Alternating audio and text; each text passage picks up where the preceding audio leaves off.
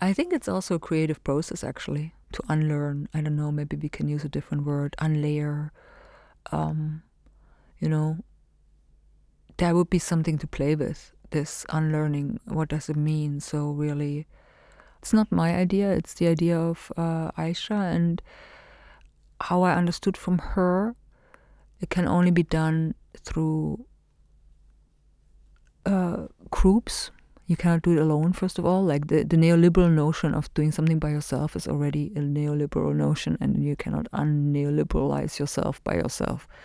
So you need to sit together with people from different diasporas, different realities, different class, you know, different race, different gender, different peripheries, semi peripheries, all what we're learning. I'm coming also always back to Sylvia Wynter in this context, thinking about inside, outside, who is inside the room and who's outside the room, and you know things like that. And uh, by already don't center yourself, but like doing it together, you are taking off the layers of misunderstanding or lies or violences or Aisha talks a lot about the museum, which I'm not part of and not familiar with. For example, how Western museums exhibit arts from indigenous populations without their consent. Of course, the museum has to give back, you know, the works they've stole, period, or reparations or repair. Like, what does repair mean? And it's not that the uh, the violator can decide that, you know. Like, for example, in the recent example of Germany, who has offered reparations to the Herero and Nama people, the genocide in, done in 1904 and 1905 and they have not accept or they're in the in con- consideration to accept it, but it should work the other way around. Actually, you know, it shouldn't be imposed. So understanding power relations, understanding histories, and talking through it, maybe. I don't know. Uh, I cannot uh, propose this alone, but this is what I would come up with uh, doing. And for example, in context of sound, there are great artists doing work like that. For example, Amkan Gisa, who you had on, on or DeForrest Junior Brown is doing it in context of techno or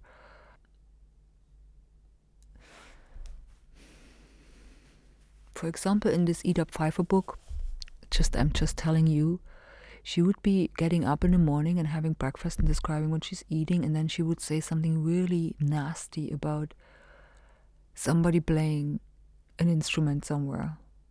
Like she would say something really nasty about like some, you know, like the primitives are playing their primitive rhythms. And it's just like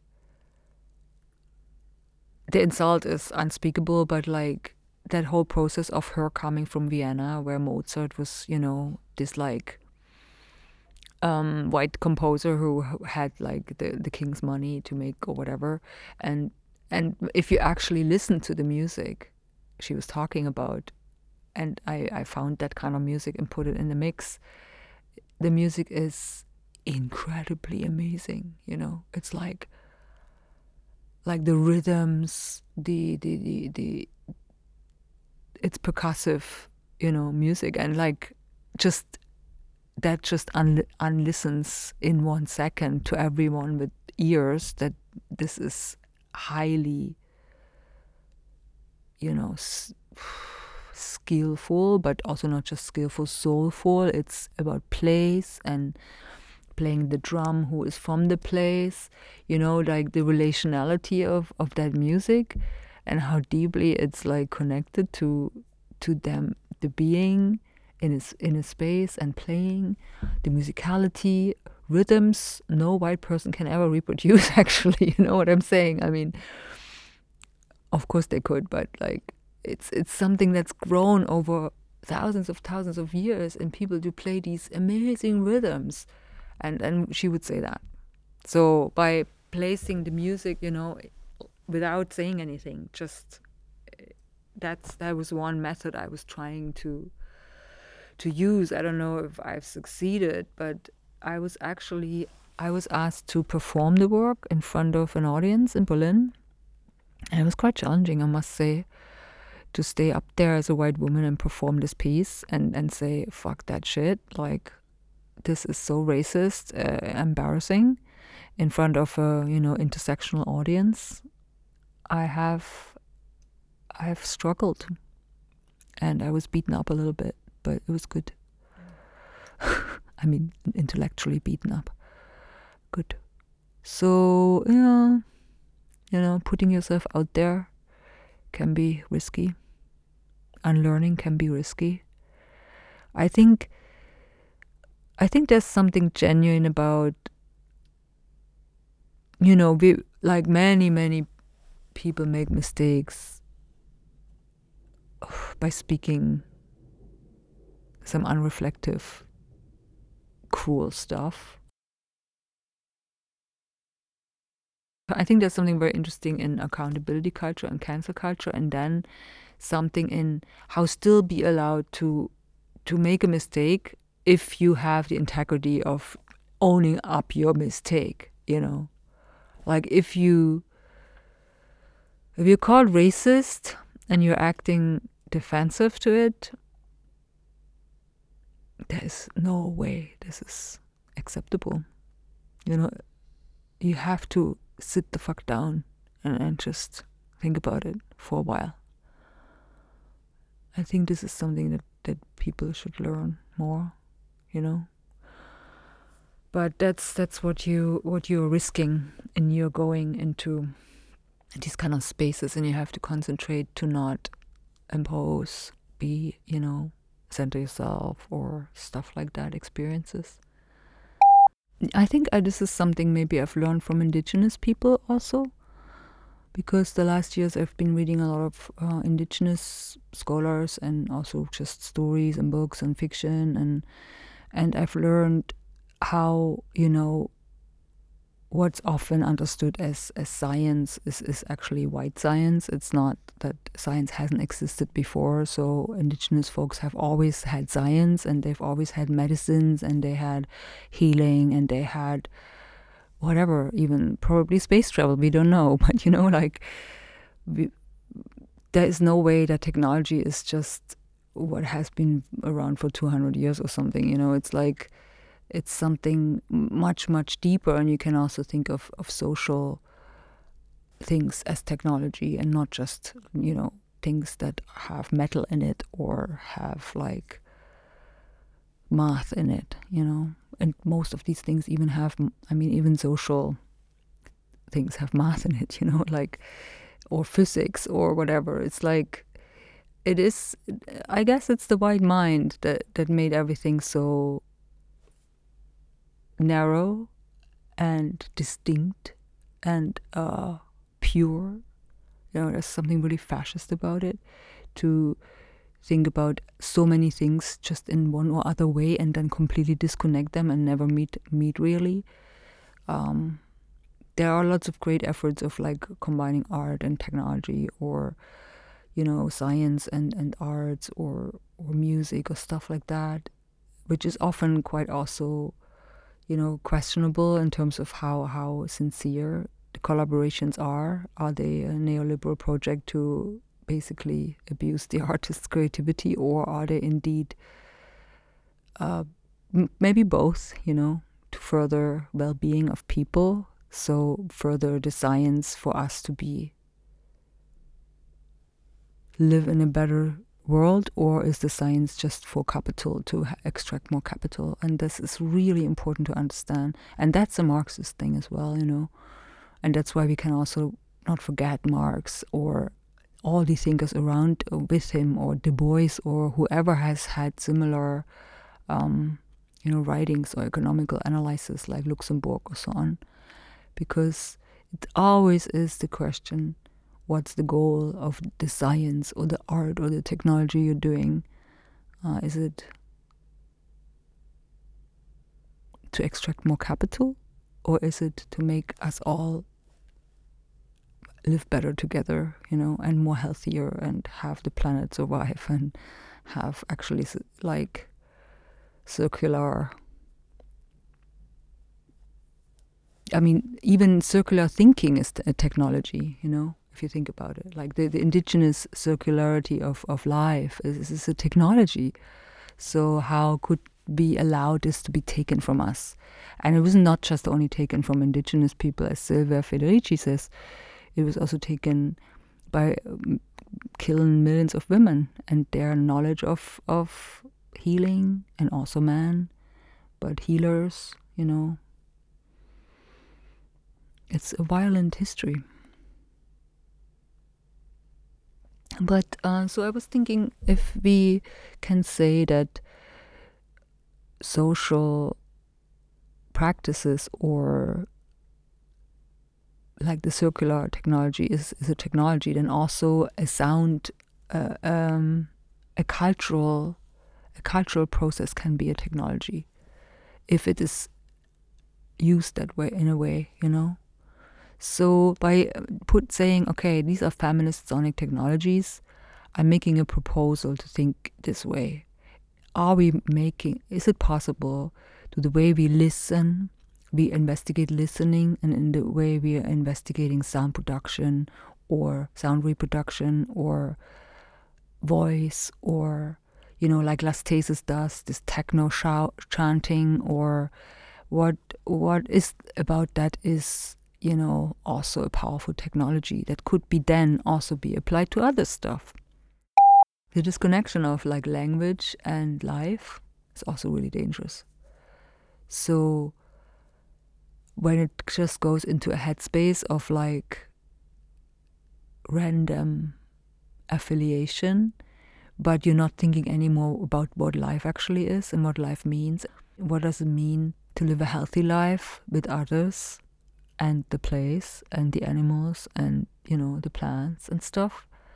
So this whole technoization of our or cyborgization of our brain or whatever our lives also is really dangerous if you disconnect it from actual life i think.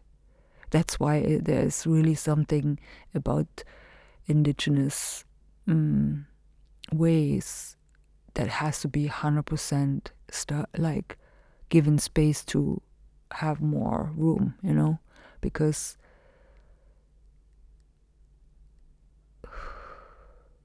it's extinction, literally extinction for us if we don't do it. Have you read this amazing writer Tyson Yunkaporta? He's um, like he has Aboriginal um, Sand Talk is his book.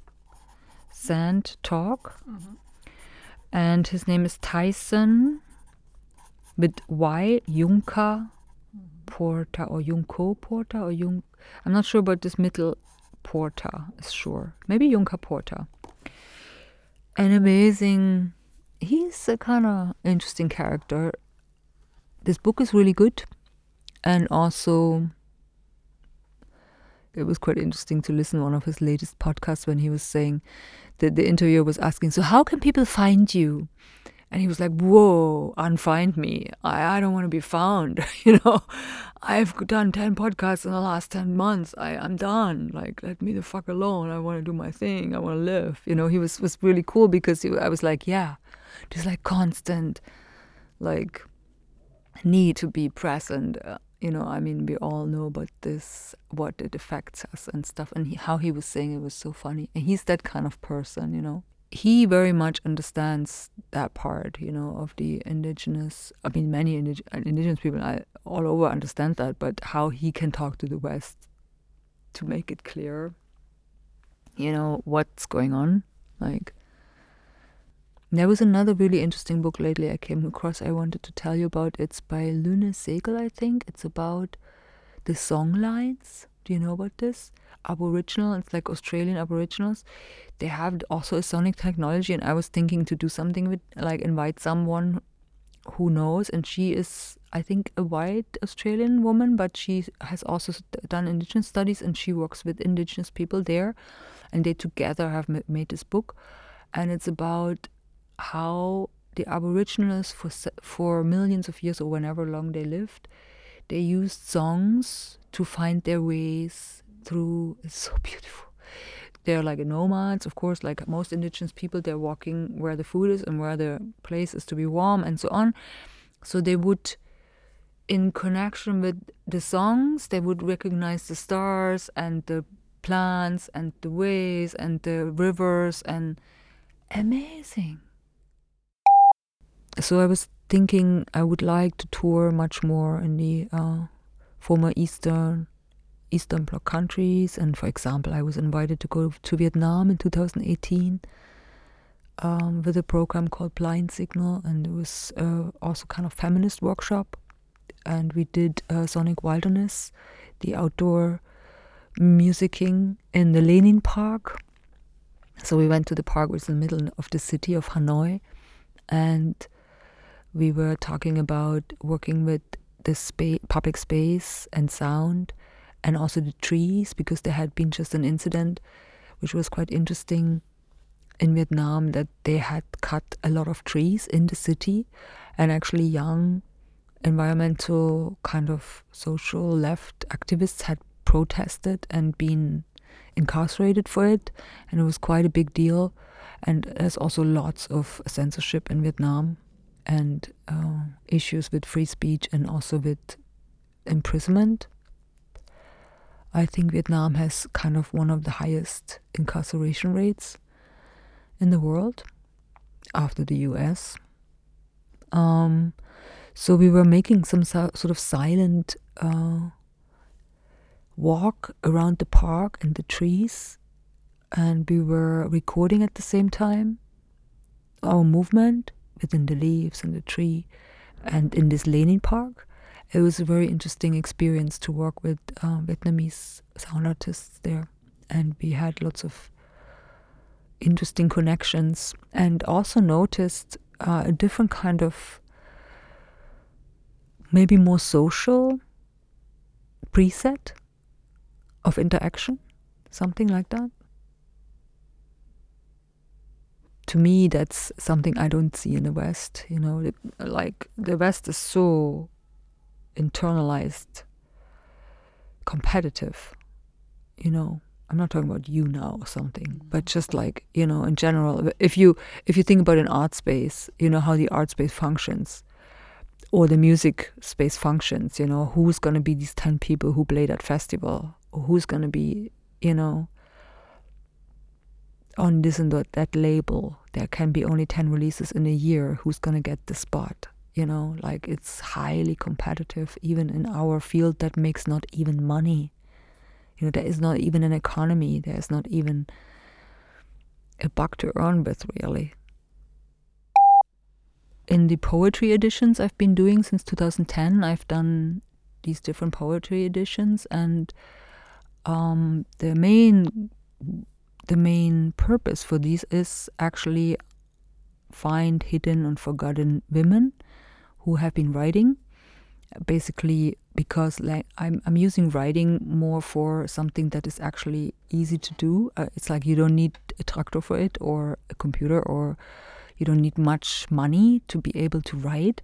So uh, writing is quite in that way an egalitarian um, you know of course you have to be able to write but and that was not always available to everyone. You know the first for example german writer uh, poet poet i found poetess was uh, a christian nun uh, ada christen and she i asked a German rapper to rap her first text, feminist kind of text. It's kind of fun.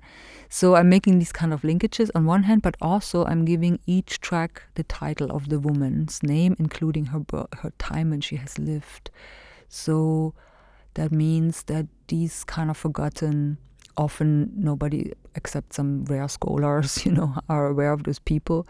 They, these names are being listed in the internet and then being, you know, a track is being listened to. And um, for example, what I've noticed that if I, when I did, for example, the Russian compilation or the Japanese, most of the women in these language speaking spheres, they wouldn't know any of those people.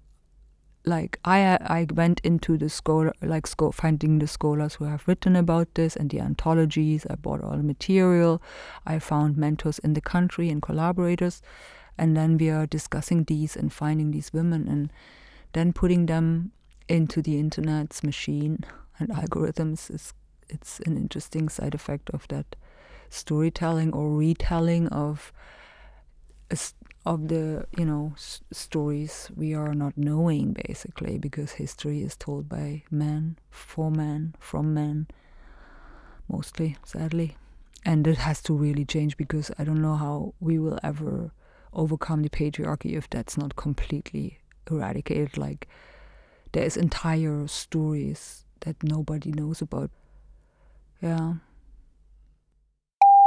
So these lists women do to claim the space and say we are here. We are many. There's so many. Like the other day there was this one artist whose name i don't remember now but there was this one artist who asked um women in in in sound studies? I think there are quite a few. I still see books who don't have any women in there you know like collections like and it exploded overnight obviously like went viral. There's a list now of like and it's an inter- intersectional list. It's women from all over the world working in sound studies. You know it's a really feminist thing to do sound studies. So there's this huge list now and whenever just somebody asks i'm just bumping this list out or i'm just repeatedly posting the list. And things like that are technologies. And literally if you put them in the internet it's becoming technology. It's becoming algorithm. It's becoming artificial intelligence. It's going into machine learning and it's a different kind of like multiplication of the craziness we're doing there i don't even know what we're doing there but you know what i mean. I saw the drawings. Yeah the visual side is kind of a side effect.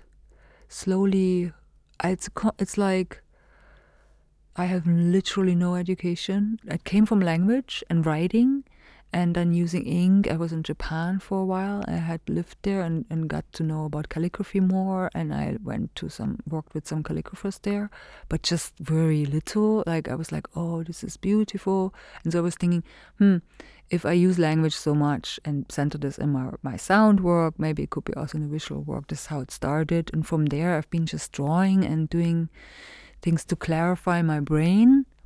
You know, just sometimes doing something I'm not good at or not used to or not educated about. I think this is also how I came to sound, but now that sound is something I can really easily do.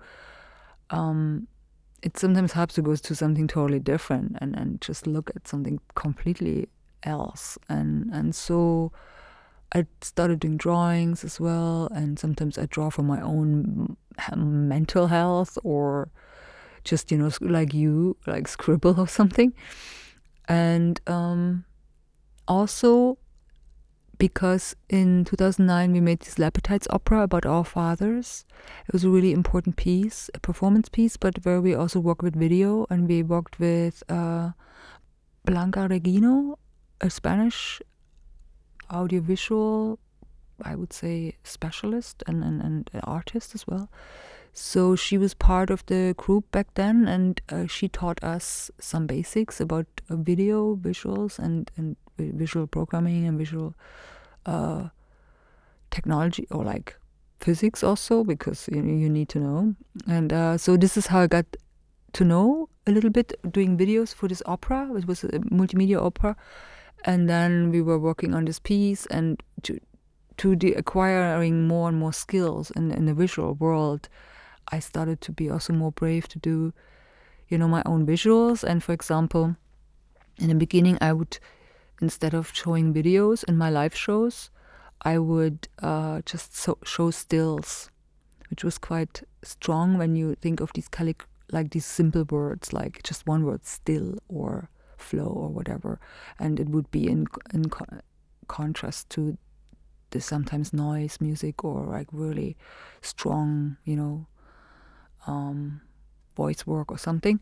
So I started with that, and from there I just keep on doing it, like kind of as a kind of hobby, but also integrated into my output. And then I was learning more, and I was doing some visuals here and there. And then somebody asked me to like something I did and asked me, you know how it works. It's just organic growing and yeah, then I started to do also visuals for Vladislav Delay, my partner. And I wanted to be really good at it because he's so good.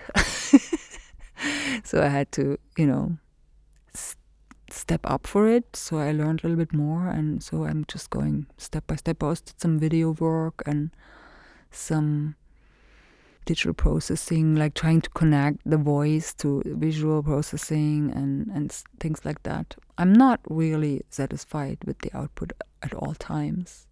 I like almost the still outputs best. But I don't know. It's just. I like being creative, you know, it doesn't matter if it's like color or or sound or frequency. It's it's all kind of connected in a way, isn't it? Yeah. Lately, I've I've started to also record real time moving in the field with the camera and the sound. So I'm recording me being in a space, for example, a river or because I live in nature, so in the forest, I'm walking through the forest and I'm filming and talking or singing and making basically performative field recordings, but also visual. So I made one piece. It was quite interesting too, something new. Like every of my steps, you know, is part of the rhythm and, and the, the the space is part of the rhythm. So I'm experimenting also like that further and sometimes it succeeds more than other times. So yeah it's all a process.